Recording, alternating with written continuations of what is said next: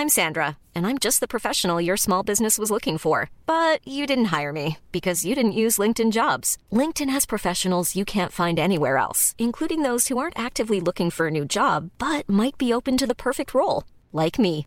In a given month, over 70% of LinkedIn users don't visit other leading job sites. So if you're not looking on LinkedIn, you'll miss out on great candidates like Sandra. Start hiring professionals like a professional. Post your free job on linkedin.com/people today. A lot can happen in three years, like a chatbot may be your new best friend. But what won't change? Needing health insurance. United Healthcare Tri Term Medical Plans, underwritten by Golden Rule Insurance Company, offer flexible, budget friendly coverage that lasts nearly three years in some states. Learn more at uh1.com. Millions of people have lost weight with personalized plans from Noom, like Evan, who can't stand salads and still lost 50 pounds. Salads, generally, for most people, are the easy button, right? For me, that wasn't an option. I never really was a salad guy. That's just not who I am. But Noom worked for me. Get your personalized plan today at Noom.com. Real Noom user compensated to provide their story. In four weeks, the typical Noom user can expect to lose one to two pounds per week. Individual results may vary.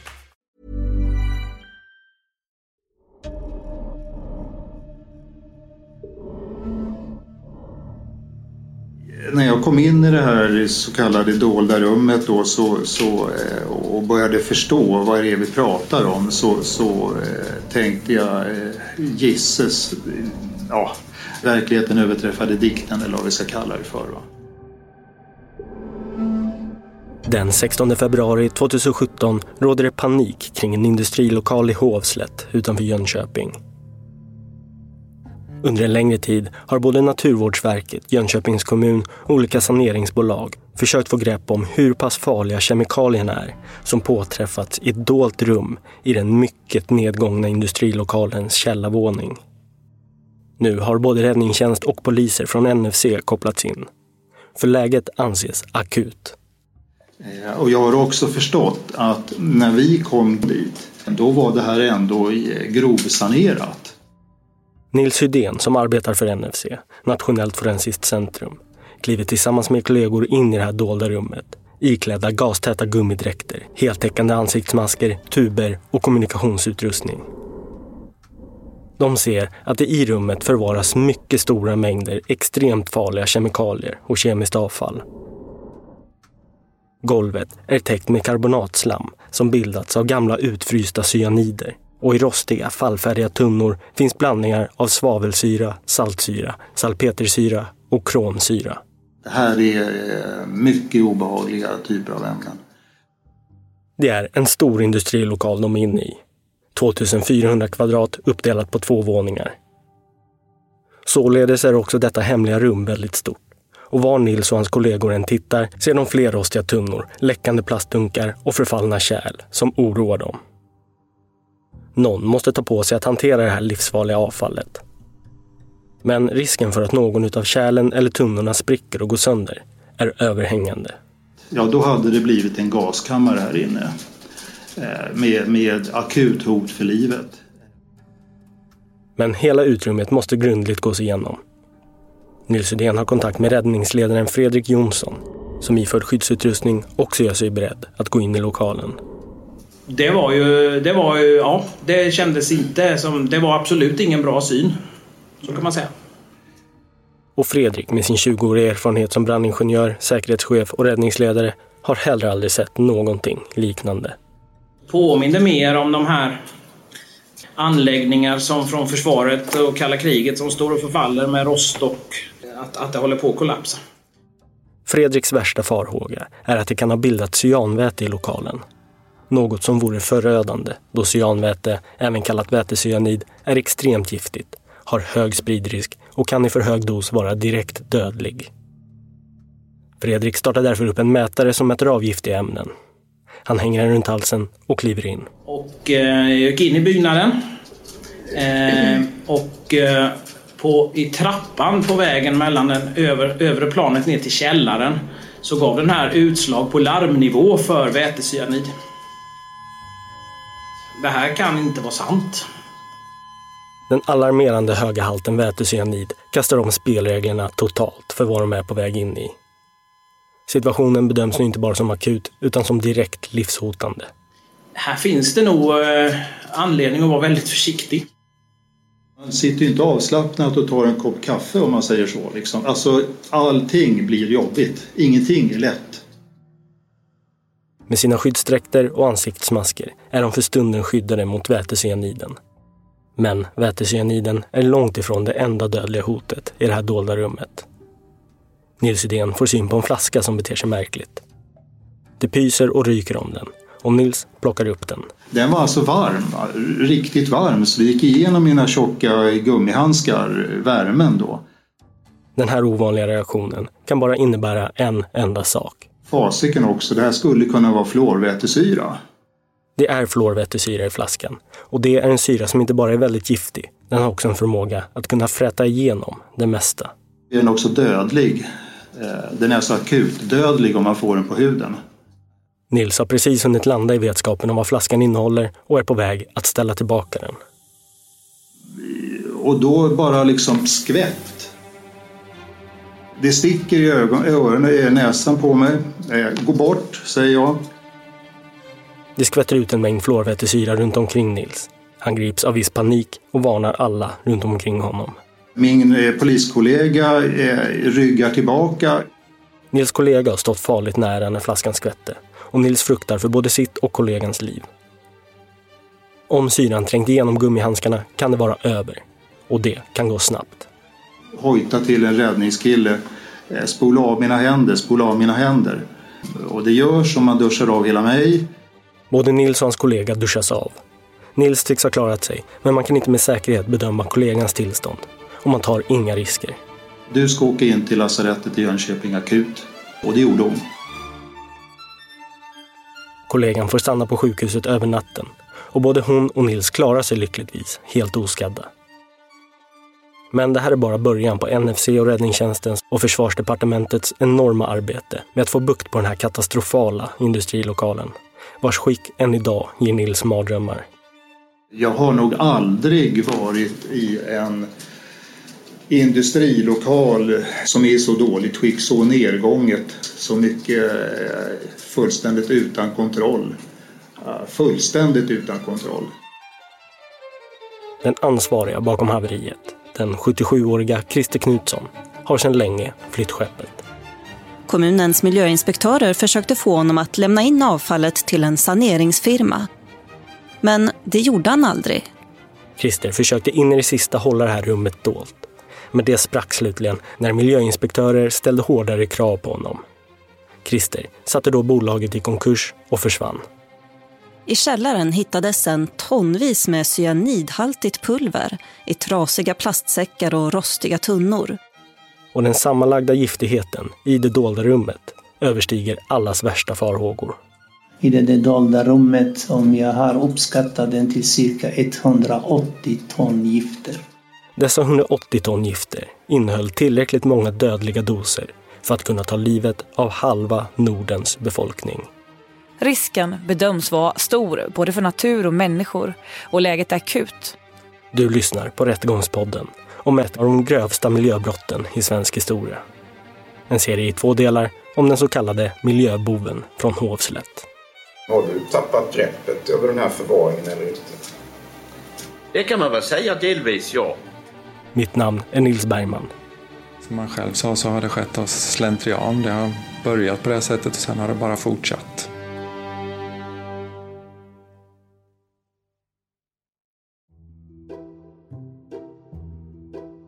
Eh, det var ju i samband med inlämnandet av eh, miljö eller årsrapport eh, i början på 2008. Det hela börjar år 2008 då miljöhälso och skyddsinspektören Anna-Lena Wulf är i sjå med att utföra sina årliga tillsynskontroller hos olika verksamheter inom ytbehandlings och kemikaliebranschen. En av dessa verksamheter heter Förkromningsverkstäderna i Jönköping AB och ägs av en äldre man vid namn Christer Knutsson. Anna-Lena vill boka in ett möte med Christer, men han är hal som en nål. Ja, det var svårt för vi, det blir inställt ganska ofta. Ett möte med Christer visar sig bli mycket svårt att få till. Då han inte skyller på sjukdom skyller han på hög arbetsbelastning. Eller det var någon anledning så det, det tog ganska lång tid innan jag gjorde mitt första besök på plats.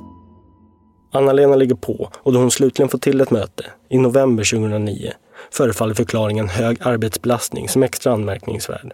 Då Christers industrilokal inte alls ser ut att vara i bruk överhuvudtaget. Det var ganska mycket som inte var igång. Eh, och eh, lite, lite rörigt. Att lokalen är citat lite rörig är en ödmjuk beskrivning. Det ser inte bra ut där inne. Men Anna-Lena, som är där med sin kollega David Melle, har som främsta uppgift att göra en inventering över vad för slags kemikalier Christer ansvarar för. Samt se till att dessa och det kemiska avfallet som tillkommer hanteras utifrån regler och rutiner. Vi gick ju igenom en hel, hela verksamheten. Vi gick runt och tittade. Mm. Vi var ju även eh, både nere i källaren och tittade på reningsanläggningen och jag vet att min kollega kollade så att de var, eh, karen som var där nere i reningsanläggningen var tömda. I denna stora industrilokal har Christer i årtionden arbetat med ytbehandling av metallföremål huvudsakligen genom försinkning, förkromning och förnickling. Sådana typer av behandlingar kräver att föremålen som ska ytbehandlas sänks ner i olika kemikaliebad. Och till detta krävs användning av starka kemikalier och syror, som till exempel svavelsyra, saltsyra och cyanider. Det här är farliga ämnen som bildar farliga slaggprodukter. Och det är av största vikt att göra sig av med dessa på rätt sätt. På källarplanet i lokalen har Christer således ett reningsverk Dit har han Anna-Lena och hennes kollega David, men som av en slump har elektriciteten där nere slutat fungera, vilket försvårar inspektionen. Hur var förutsättningarna att inspektera i källaren? Det var ganska skumt, kommer jag ihåg. Det var lite svårt att se. Eh, jag och min kollega vi tittade runt i verksamheten och även Christer visade oss runt. Vi har Anna-Lenas kollega David Melle Reningsverket i källaren tycks vara ur bruk, vilket verkar ha sin förklaring i att hela verksamheten tycks stå still. Och det här oroar David något. Man såg liksom kar som började, alltså de här kemiska ämnena kristallisera sig runt omkring både karen, det fanns även på golv och så vidare. Så det var ett tecken på att verksamheten hade stått still. Det förefaller för David och Anna-Lena att det kemiska avfallet från tiden då verksamheten var i bruk varken hanterats på rätt sätt eller i rätt tid. Slaggprodukterna tycks ha legat i sina tunnor och kärl så länge att kemikalierna börjat kristalliseras. Hanteringen var inte bra. Och det var hydroxidslam och det vet jag, det, det stod, jag kommer ihåg att det stod på en sån här träpall. Och det såg ut som det hade stått där väldigt, väldigt länge för det var damm på, på det. Mm. Och det skulle skickas iväg också och vi ville ha kvitto på det. Hydroxidslammet de finner nere i källaren är en hälsorisk och måste bort. De uppmanar Christer att göra sig av med samtliga slaggprodukter och ber också om att få ett kvitto på att det hanterats utefter de regler och rutiner som finns. Förevisade verksamhetsutövaren något mer rum i källaren eller inte än reningsverksrummet? Nej, jag, jag tror inte det. Jag kan inte minnas. Men Christer har helt råkat glömma bort att visa upp var han förvarar det absolut mest kritiska avfallet. Det avfallet förvarar han i ett dolt rum. Då dörren till det rummet saknar handtag samt att källarvåningen saknar elektricitet gör det svårt för Anna-Lena och David att själva upptäcka att det ens finns ytterligare ett rum i lokalen. Till råga på allt har Christer staplat andra tunnor med annat avfall framför dörren till det rummet. Och jag tänkte inte mer på det att just bakom det så senare man hittade det här så kallade dolda rummet. Eh, det var nästan omöjligt egentligen ens att tänka på att man skulle öppna den dörren i och med det fanns så mycket avfall framför dörren. Samtalen de har med Christer om hur han arbetar och tänker kring avfallshantering lämnar mycket att önska. Vad gjorde ni för bedömning av eh, verksamhetsutövaren och verksamhetens eh, förhållande till kunskapskravet? Nej, den uppfylldes inte. De inser snart att Christer behöver få lite hjälp med hanteringen av avfallet. Så Anna-Lena och David erbjuder sig därför att styra upp situationen åt honom. Ja, dels så var det ju att ta tag i det och få rätsida på det hela för det hade gått för långt. De förser Christer med kontaktuppgifter till bolag som kan hjälpa honom forsla bort allting. Där han själv skulle kontakta dem, få en prisbelopp vad det skulle kosta att bli av med det här. Han har ett par månader på sig att fixa det här. Men Christer väljer att inte lyfta ett finger. Han kontaktar inte något utav bolagen. Vad gjorde ni då? Vi tog upp ärenden till nämnden och vi förelade honom om att han ska ta hand om både kemikalierna och också ska han ta fram ett förslag till hur han ska undersöka marken.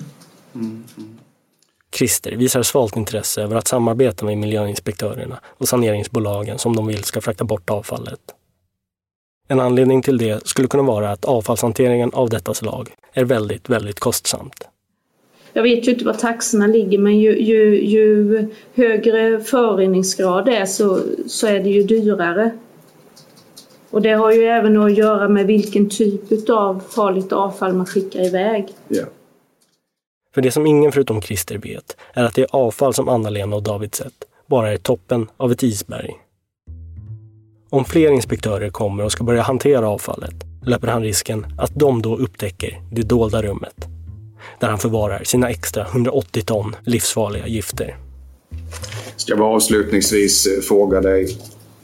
Jag tror du, du vet eh, att eh, det här åtalet handlar till stor del om kemikalie och avfallsförvaring nere i ett rum i källaren som kallas för garaget eller det dolda rummet. Om jag uppfattar dig rätt så har du berättat här att du aldrig har fått se det rummet när du har varit där ute. Ja. Ja, det var ju jätteviktigt att han, han borde ha visat oss alla ytor. Det är absolut, annars är det omöjligt liksom att veta ja. vad kostnaderna är eller vem som kan utföra dem, den typen av sanering. Så det är inte många som klarar av att göra saneringar som senare upptäcktes i det dolda rummet. Och det är rätt uppfattat av mig, han visade aldrig det utrymmet? Han visade aldrig. Jag var i tre tillfällen, han har aldrig visat det utrymmet till mig. Processen med att få Christer att avlägsna avfallet förhalas gång på gång. Dagar blir till veckor och veckor blir till månader. Christer har alltid en undanflykt, sen slutar han att svara i telefon och tycks slutligen helt gå upp i rök. Jag var där i flera gånger skulle titta på om det pågick någon verksamhet eller inte. Mm. De gångerna jag besökte stället, nu kommer jag inte ihåg antal hur många jag var, men i alla fall jag lyckades aldrig se honom där mm. på plats. Mm.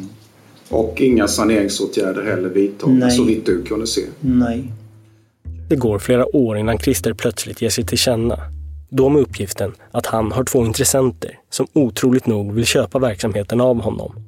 Och därtill allt avfall. Christer ber därför om att få lite dispens. Och det gav jag honom. Ett nytt möte bokas in där även David ges möjligheten att få träffa de här två intressenterna. Det första David gör är att tydligt förklara för intressenterna att om de övertar verksamheten så kommer också saneringskostnaderna hamna på dem. De kommer att ansvara för framtida föroreningar som kan uppstå i mark och grundvatten. Vad det nu innebär, den saneringen. Så att eh, sen blev det ingenting av. Nej. Intressenterna drar sig snabbt ur köpet och ansvaret hamnar återigen på Christer.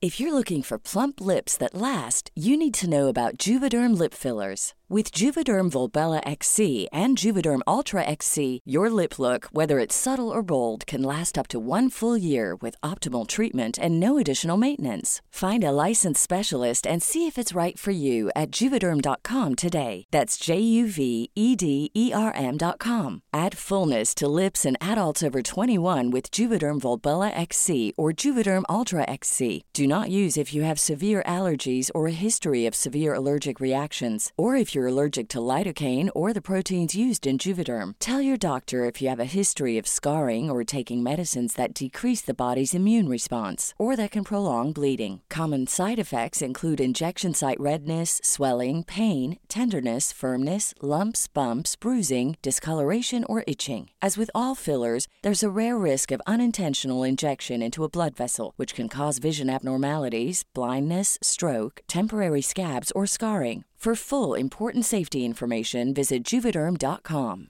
I'm Sandra, and I'm just the professional your small business was looking for. But you didn't hire me because you didn't use LinkedIn jobs. LinkedIn has professionals you can't find anywhere else, including those who aren't actively looking for a new job but might be open to the perfect role, like me. In a given month, over 70% of LinkedIn users don't visit other leading job sites. So if you're not looking on LinkedIn, you'll miss out on great candidates like Sandra. Start hiring professionals like a professional. Post your free job on linkedin.com/people slash people today. Hey, it's Ryan Reynolds, and I'm here with Keith, co star of my upcoming film, If, only in theaters, May 17th. Do you want to tell people the big news?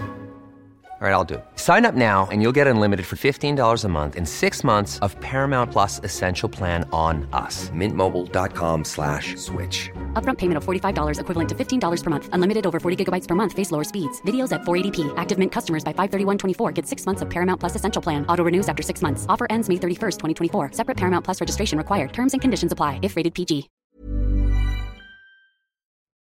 Men han gör ändå ingenting åt saken, så David får nu ta i med hårdhandskarna. Vad blir nästa åtgärd då i kommunens verktygslåda när man inte lyder föreläggande, när man inte följer anstånd? Då blir det föreläggande med vite. Och det var i princip väldigt kort tid. Men eh, i princip ingenting hände då heller. Nej. David erlägger Christer ett vite på 600 000 kronor som han måste betala om han inte får slå bort avfallet inom de närmsta månaderna. Jaha, hjälpte det då? Eller inte? Nej, det gjorde det inte och den tiden gick ut. David tvingas fatta ytterligare ett beslut som nu går ut på att han själv ser till att kemikalierna tas om hand, men på Christers bekostnad. Inte heller detta funkar. För fanns det några pengar i bolaget att ta hand om det för eller inte? Eh, Det verkade inte så nej. Christer har dåligt med pengar i bolaget, men avfallet måste bort. David gör då upp med kommunen om att försöka få Naturvårdsverket att bekosta avfallshanteringen. David måste då ta fram ett underlag för att kunna beräkna kostnaden och tar då in firman JRAB som har mångårig erfarenhet av kemikaliehantering av det här slaget. David bokar in ett möte där de tillsammans ska inventera Christers kemikalier. Även Knutsson faktiskt följde med och visade oss runt en, en, en gång hela verksamheten. Visst, jag bara fråga dig, kommer du ihåg vad de där från JRAB hette? Eh, Fredrik och Johan, jag kommer knappt deras efternamn. I september var vi på platsbesök och då var det jag, eh, min kollega Johan Holmgren, David Melle från kommunen och verksamhetsutövaren Knutsson då. Fredrik Kimmehed är själv gammal ytbehandlare och högskoleutbildad inom kemi. Nu arbetar han och hans kollega Johan Holmgren med avfallshantering. Tillsammans med David och Christer möts de upp i industrilokalen. Fredrik tycker inte om det han ser. Byggnadsskick dåligt. Eh, läckage genom taket. Det var blött på golvet. Eh, saltkristaller. På, alltså på, på ytor. Eh, Såg inte ut som det hade varit i drift på ett tag. Eller taget det var igenbommat. Såg ganska, ganska nedgånget ut. Kollegan Johan delar bedömningen. Han reagerar främst på att en del kar var översvämmade samt att taket verkar läcka in. Utöver det har de svårt att utföra sitt jobb eftersom lokalen är så dunkel. Ja, man såg inte sådär jättemycket då för det var ju, det var ju ingen belysning eller någonting som var, var igång där. Och, eh, vi, ja, vi tittade väl in där lite grann kort och sen, sen gjorde vi inte mer då. De famlar sig fram i mörkret ner till källaren, tätt följda av Christer, som säkerligen börjar bli mer och mer nervös. Eh, och när vi väl kom till reningsverket då så frågade vi i princip, finns det något mer? Och svaret var nej. Inga fler rum finns att titta på, säger Christer bestämt. Eh, och sen hittade vi ju naturligtvis rummet som låg bakom en tank som låg på sidan, eller ett kar. Men Fredrik och Johan tycker sig skymta en hemlig dörr bakom en massa tunnor, bråte och ett vält kar. Okej. Det rummet, var det något som eh, Knutsson, Knutsson hade visat er vid det här första besöket? Nej. De börjar forsla bort bråtet och eftersom dörren saknar handtag får de bryta upp den. Och de blir då de första att upptäcka det så kallade dolda rummet. Där inne var det ju fem centimeter slamhaltigt vatten över hela golvet. Och sen så stod där ju eh, upprastade tunnor med, med mängder med avfall i. Ut med, med väggarna. Ja, i hela lokalen egentligen. Jag var med och tittade i rummet. Eh, jag fick väl en viss känsla av nästintill panik. Det var nästan att man såg att luften dallade i, av kemikalierna som, som var inne i själva rummet. Pallar gjorda i plywood med säckar i med massa slam i. Något kar med, med en presenning på toppen. Eh, Varken Johan eller Fredrik, båda väldigt erfarna avfallshanterare, har någonsin sett något liknande. Det blir bara värre och värre var de än vänder blicken. Mest oroande är det kletiga slammet på golvet. det var liksom fuktat på golvet så att det, det, det stod staplat ut med ena väggen så att det rann ju ner när det fuktade ut på golvet och sen kunde det transporteras och sen kunde det då komma från annat håll. Det fanns en, en liten eh, golvbrunn Synen av golvbrunnen som slammet obehindrat glider ner i skrämmer dem rejält. Om golvbrunnen når ut i marken kan förödelsen vara total. För hela Jönköping med omnejd. Alltså blött, klabbigt, eh, kemblandat. Nästan allting rann ner i den brunnen. Då. Man ska ju inte förvara kemikalier som inte passar ihop eh, jämte varandra. Det var väl lite grann så, så det var där inne. Den initiala chocken avtar aldrig riktigt. Då de också märker att själva blandningarna i de trasiga tunnorna och kärlen är fullkomligt livsfarliga. Kromsyra och eh, cyanid. Kromsyra blandat med cyanid bildar i sin tur cyanvätesyra, som inte är att leka med. Och är det när det gäller giftighet med cyanväte? Man överlever nog inte sådär vidare länge. Ja, udden av en knivspets räcker för en person i min storlek. De inser att det här rör sig om mycket mer än en vanlig sanering. Det krävs stora åtgärder. Och dessutom börjar de frukta för sina egna liv. I min värld så eh, var det ju, var det ju en katastrof. Jag har aldrig, jag har aldrig sett något sånt tidigare. Ja, det var ju bland det värsta jag sett när det gäller just avfall. Det går inte att beskriva det vi såg där. David Melle, som också varit med och fått se vad som gömts i det dolda rummet, är djupt besviken. Han som träffat Christer så många gånger känner sig snudd på bedragen. Det de nu upptäckt tycks nästan omöjligt att få bort. Det var vätska på golvet. Ja. Och vi hade ingen aning om vad den vätskan var för något heller. Vi har ju sett också här att eh, det fanns faktiskt pulver också som låg på golvet på olika ställen, stora Ja. mängder. Ska man förvara kanske cyanidhaltigt pulver så på golvet där det finns vätska eller inte? Nej, absolut inte. Mötet avbryts. Förutsättningarna har ändrats rejält och JR AB behöver en riskanalys kring farligheten i hanterandet innan de fortsätter. Mer pengar och resurser kommer alltså behöva tillsättas. Men det är inget som Christer planerar att stå för. Vad gjorde Knutsson istället då? Eh, han valde att gå i konkurs. Christer försätter bolaget i konkurs och försvinner. David kontaktar då ytterligare en firma, Detectum, och vill att de gör en riskbedömning. David trycker på att ärendet är väldigt, väldigt akut. Man förstod allvaret i det och behövde hitta snabba lösningar. Vi hör Göran Forsberg. Han driver bolaget Detectum AB och arbetar med miljökontroller och riskbedömningar kring förorenat vatten. Han har sett mycket i sitt liv, men ingenting likt det han får se i det dolda rummet. Det här är det sjukaste jag har sett. Det här var någonting annat. Ehm, det här var något vi inte kunde förutse när vi fick uppdraget att gå dit initialt. Det är inte förrän de står där inne som de förstår vad det var som David Melle med emfas försökte beskriva över telefon. Göran går runt i hela lokalen och lägger märke till byggnadens tak som är täckt med en pressändning. Med tanke på hur vatten rann från tak ner så måste ju det ha varit någon form av försiktighetsåtgärd utav någon. Det här blir en av många intressanta reflektioner som har att göra med huruvida Christer hela tiden vetat om och förstått allvaret i byggnadens förfärliga skick och då försökt göra små försiktighetsåtgärder. Eller om det är så att han själv inte alls förstått allvaret. Men iklädd kraftiga gummistövlar tar sig Göran nu djupare in i det dolda rummet. Grums och eh, vattnet på golvet var så infärgat. Så man såg inte riktigt var man satte fötterna. Och när jag kliver upp på en utav pallarna så vippar den. Och vad hände med dig? Ehm, jag, jag satte ner foten i den här pumpgropen och stöveln vart full med vatten. Det är inte direkt vanligt dricksvatten Göran sätter stöveln i. Det är värre än så.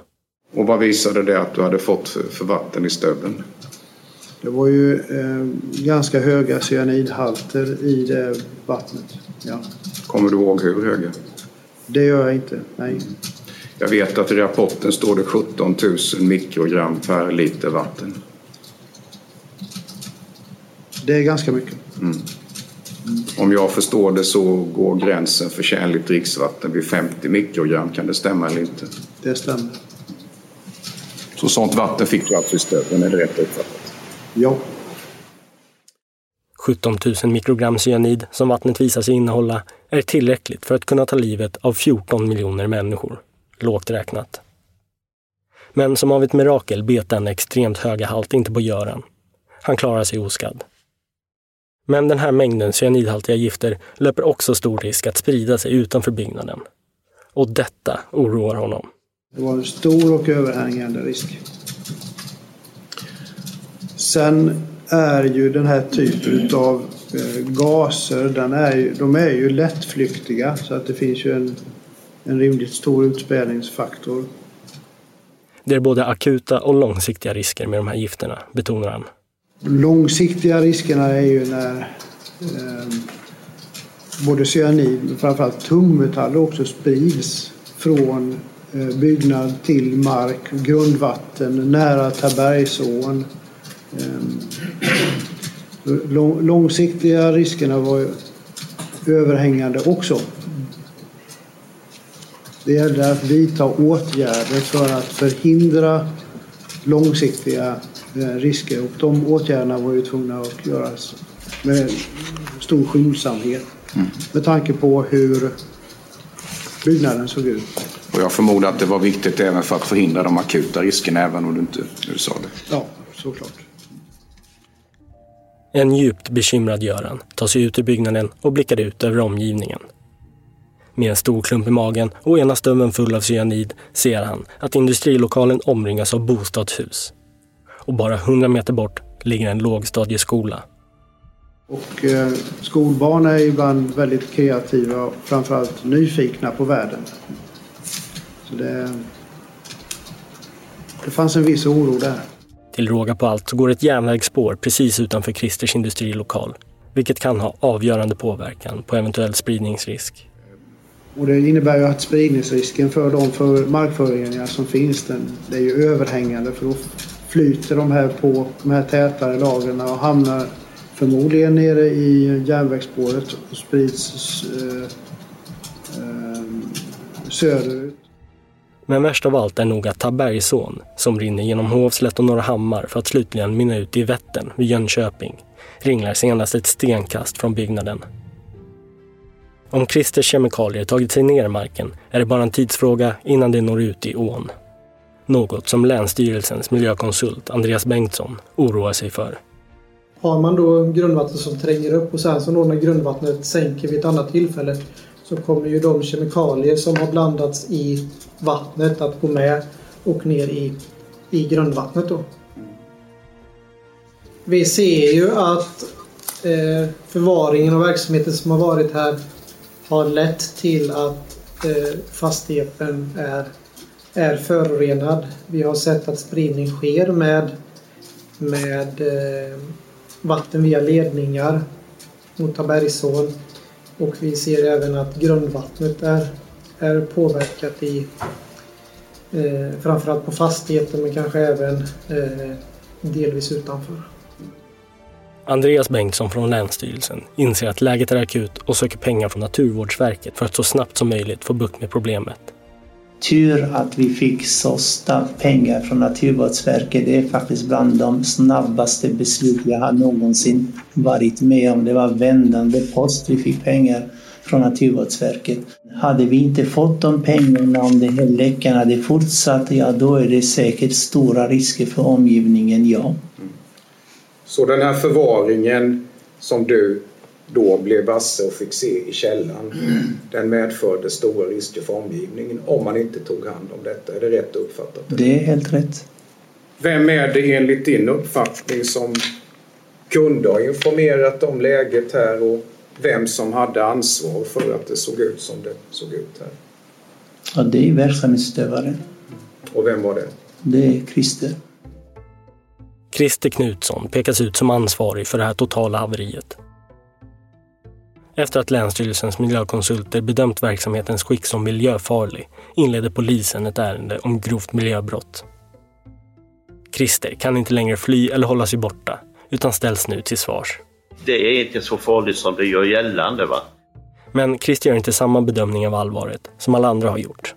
Hanterar man det rätt, då är det ingen fara. Absolut ingen fara. Det är ingen fara alls menar Christer och tillägger att han känner många gubbar där ute som bedriver samma typer av verksamhet på samma sätt som han. För dem har det aldrig hänt något allvarligt. Så varför skulle det plötsligt hända nu? Har det aldrig hänt någonting, så varför ska det hända sedan? Den här logiken är lika vattentät som industrilokalens tak. Och åklagaren ställer sig frågandes till Christers till synes totala negligerande av situationens allvar.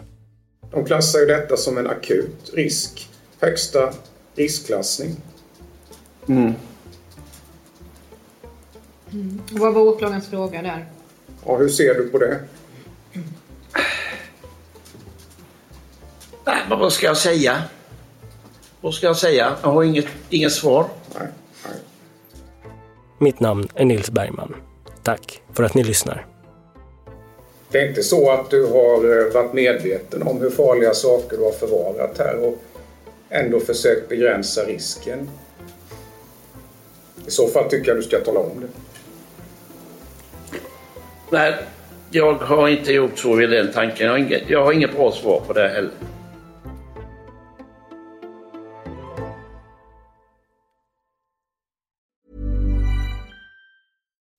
When you make decisions for your company, you look for the no-brainers. If you have a lot of mailing to do, stamps.com is the ultimate no-brainer. Use the stamps.com mobile app to mail everything you need to keep your business running with up to 89% off USPS and UPS. Make the same no-brainer decision as over 1 million other businesses with stamps.com. Use code program for a special offer. That's stamps.com, code program. Rättegångspodden är en Tall Tale produktion. Ansvarig utgivare är Jonas Häger. Och Rättegångspodden görs i samarbete med Lexbase. Ange rabattkoden Rättegångspodden när du blir ny betalande medlem på lexbase.se och få tre kostnadsfria domar.